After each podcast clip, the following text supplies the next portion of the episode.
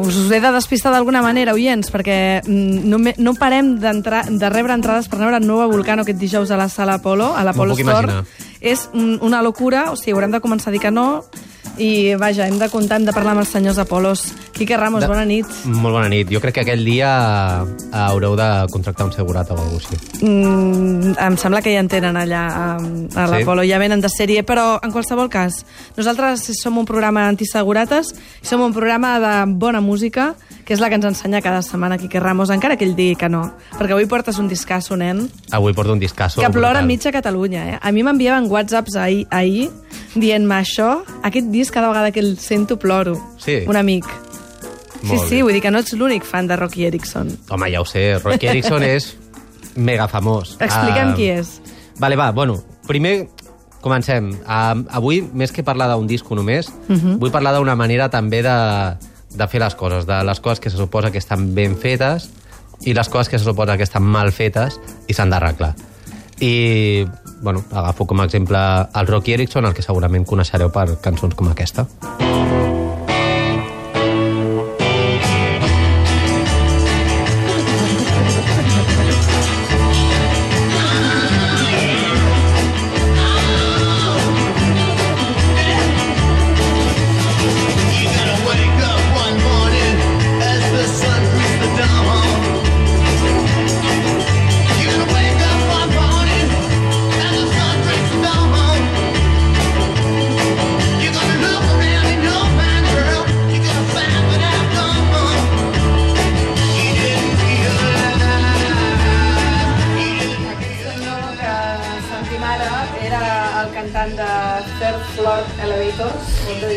13 Floor. 13 Floor Elevators.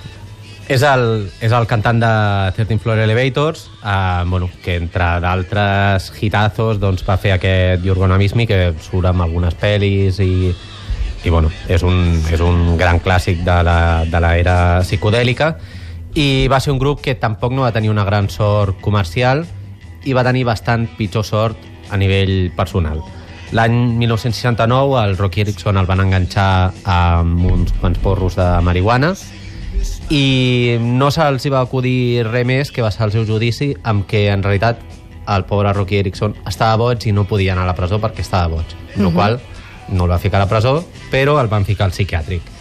Allà el van diagnosticar d'esquizofrènia, li van fotre electroxocs, li van fotre... De quina època estem pastilles. parlant, més o menys? Estem parlant de l'any 69, em penso que va estar del 69 al 73, i bueno, és possible que ell ja sí, que això sembla mica... molt lluny, però la psiquiatria sembla que, que, vaja, que ha avançat allò en els últims 20 anys.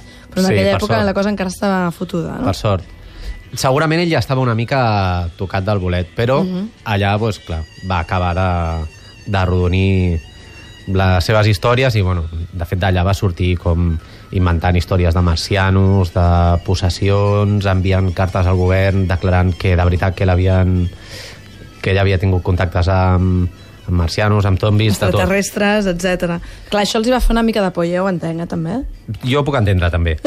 Però, bueno, um, aquests anys de l'hospital psiquiàtric um, pertanyen a una de les gravacions així més boniques que jo he sentit mai i més terrorífiques també, i, com això. Però vaja.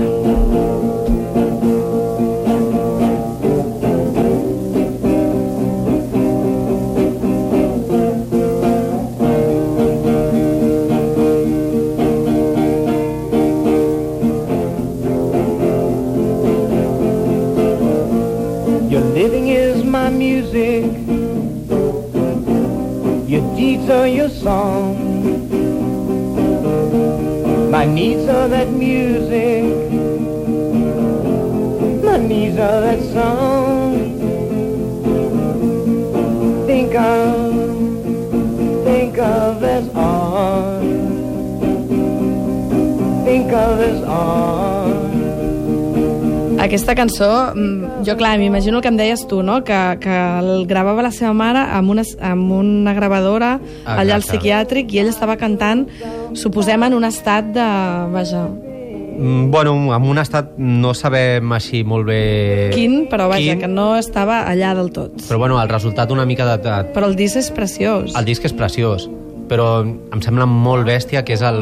O sigui, és una cosa tan bonica, però que és el resultat d'una cosa superfotuda, que el tio pues, estava allà tancat en un hospital psiquiàtric sense segurament haver-hi d'estar, eh, totalment matxacat i amb el cervell fregit, inventant-se històries d'amor i de marcianos i de coses una mica, pues, no sé, m'imagino que per intentar escapar-se de, de tota la merda que li havien fotut Però cap aquestes aquests- històries s'han repetit molt a la història del rock and roll, vull dir, hi ha el seu cas, Mhm. però vaja, mm, ara ja es cone... el, el cas més famós, Daniel Johnston, Sí. ara mateix, d'alguna cosa semblant, Eddie Hinton, eh, també, bueno, ja ho saps que a mi hi ha un músic que m'agrada molt que ell també va treballar en un psiquiàtric, vull dir que, vaja, la relació de la psiquiatria amb, amb la música és molt més comú del que voldríem, no?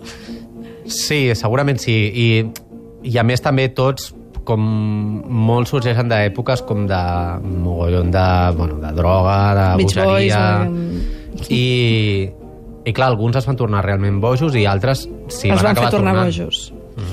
Que això és mm. el més esfereïdor. Però bueno, el disco és increïble. Um, bueno, té com diverses cançons gravades Com es diu, per cert, que no sé si ho hem dit amb l'emoció, El disc es diu Never Say Goodbye. No diguis mai adeu. I el cas és que totes aquestes cançons van, van estar inèdites doncs, fins a l'any 98, Mhm. que, bueno, que un segell va, les van trobar, les van, les van editar amb un, amb un CD, i llavors es va anar convertint a poc a poc una mica en un, en un culte perquè és que és increïble aquesta gravació. De fet, té algunes gravacions una mica semblants, també semi- semipirates, acústiques, mm -hmm. barrejades amb altres més de rock, així molt al·lucinat i molt, molt guai, la veritat. Uh, però bueno, aquest disco era impressionant i totes aquestes cançons que sortien de, com d'una altra època a una generació de músics, sobretot de la seva ciutat, doncs els va tocar molt de prop. Llavors, 10 anys després d'aquest disco, um, un grup d'indie de, de la seva ciutat, el Zuckerville River, uh -huh. um, van pensar hòstia, aquestes cançons que sonen així tan despullades, tan, tan miserables... Um, Va. Bueno, m'estic posant amb la pell d'aquests senyors. sí. D'aquests senyors amb, amb estudis universitaris i Ja. tot això. Uh, van decidir, hòstia, per Les què no li fem un homenatge no? i les gravem com cal? Anem a un estudi uh, amb I, uns evidentment, músics... tu els abobines per haver fet això, no? Bueno, deixem que jutgi el públic. Anem a escoltar aquesta mateixa cançó tocada per...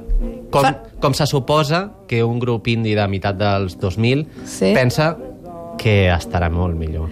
Farcideta, xics, farcideta.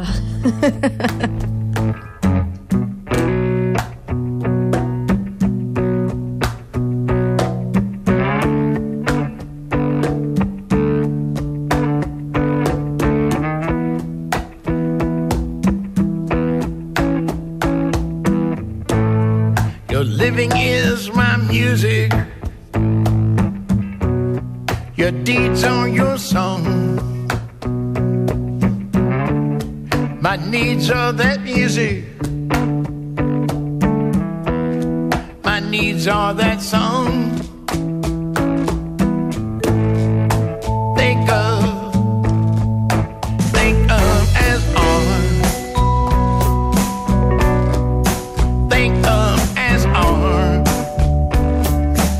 Vaja, uh, ara estàvem aquí discutint a micro, a micro tancat, però jo no em podia creure que fos el mateix músic, perquè clar, el que hem fet és com materialitzar-li la veu, perquè clar, ho han gravat en un estudi d'aquests super fantàstic i al Exacte. final no sona a res del que estàvem sentint abans. Exacte, i segurament us estareu preguntant però quina puta merda és això? Hi ha gent que li agrada. se suposa...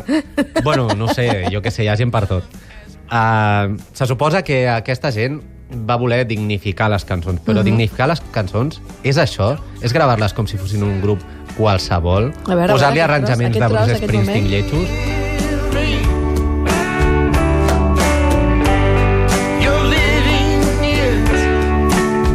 Què vol dir això? Arranjaments, el concepte d'arranjaments de Bruce Springsteen lletjos. M'ha Sí, sí, agradat, sí. m'ha agradat el concepte.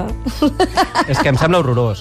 O sigui, la gravació original t'ensenya com l'ànima d'un tio que està allà cantant ell sol, sense saber que ningú més que la seva mare l'escoltarà mai més, perquè clar, en un hospital psiquiàtric m'imagino que no deus acabar de saber quan sortiràs, no ho sé. Uh, se suposa que perdre tot aquest sentiment original és el que fa millors a les cançons. Home, és una mica traïció, traïció en una cantonada. Però, escolta'm, oblidem-nos del Soccerville River, que és una mica, pesat, una mica pesats. Sisplau. No ens agraden els seus discos. I anem a sentir una altra vegada aquest gran mite, no? Sí. Sentim-la bé, aquesta cançó? Que bé? Anem-hi, anem a canviar això.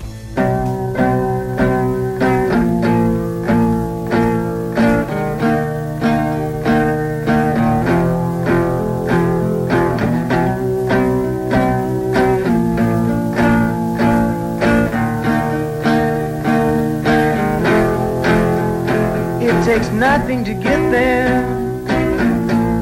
No remedies needed.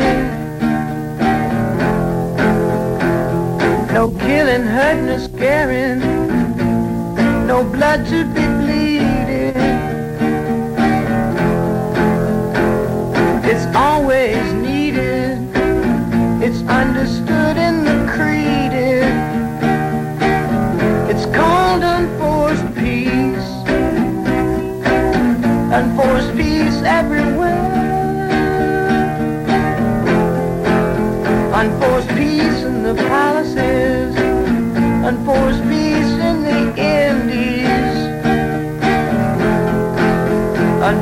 peace where it's still.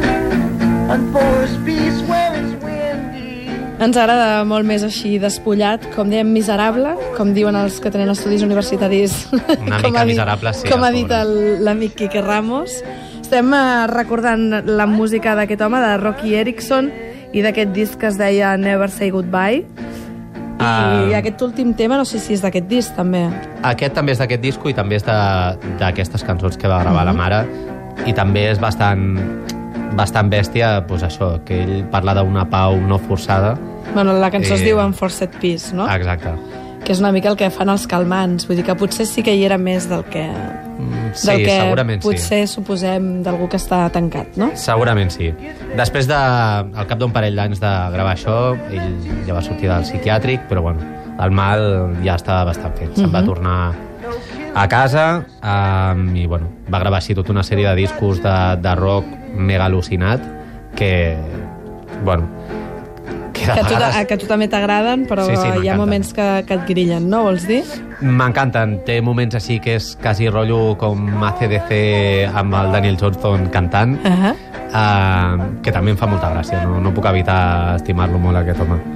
Uh, uh, si voleu escoltar algun disco més una mica semblant a això, uh, m'hi voleu buscar, uh, hi ha uns, bueno, això, uns semipirates que després s'ha editat així amb una mica més de cara i ulls, que es diu The Holiday in Tapes, que és, és un fan que el va enganxar durant una gira i el, el va convèncer per anar a l'habitació de l'hotel a gravar unes cançons, perquè ha molt les versions de Woody Holly que feia, Li van etcètera. dir, la teva vida és la gravadora. Si no et grava ta mare, et gravarà un fan, no? Ah, exacte.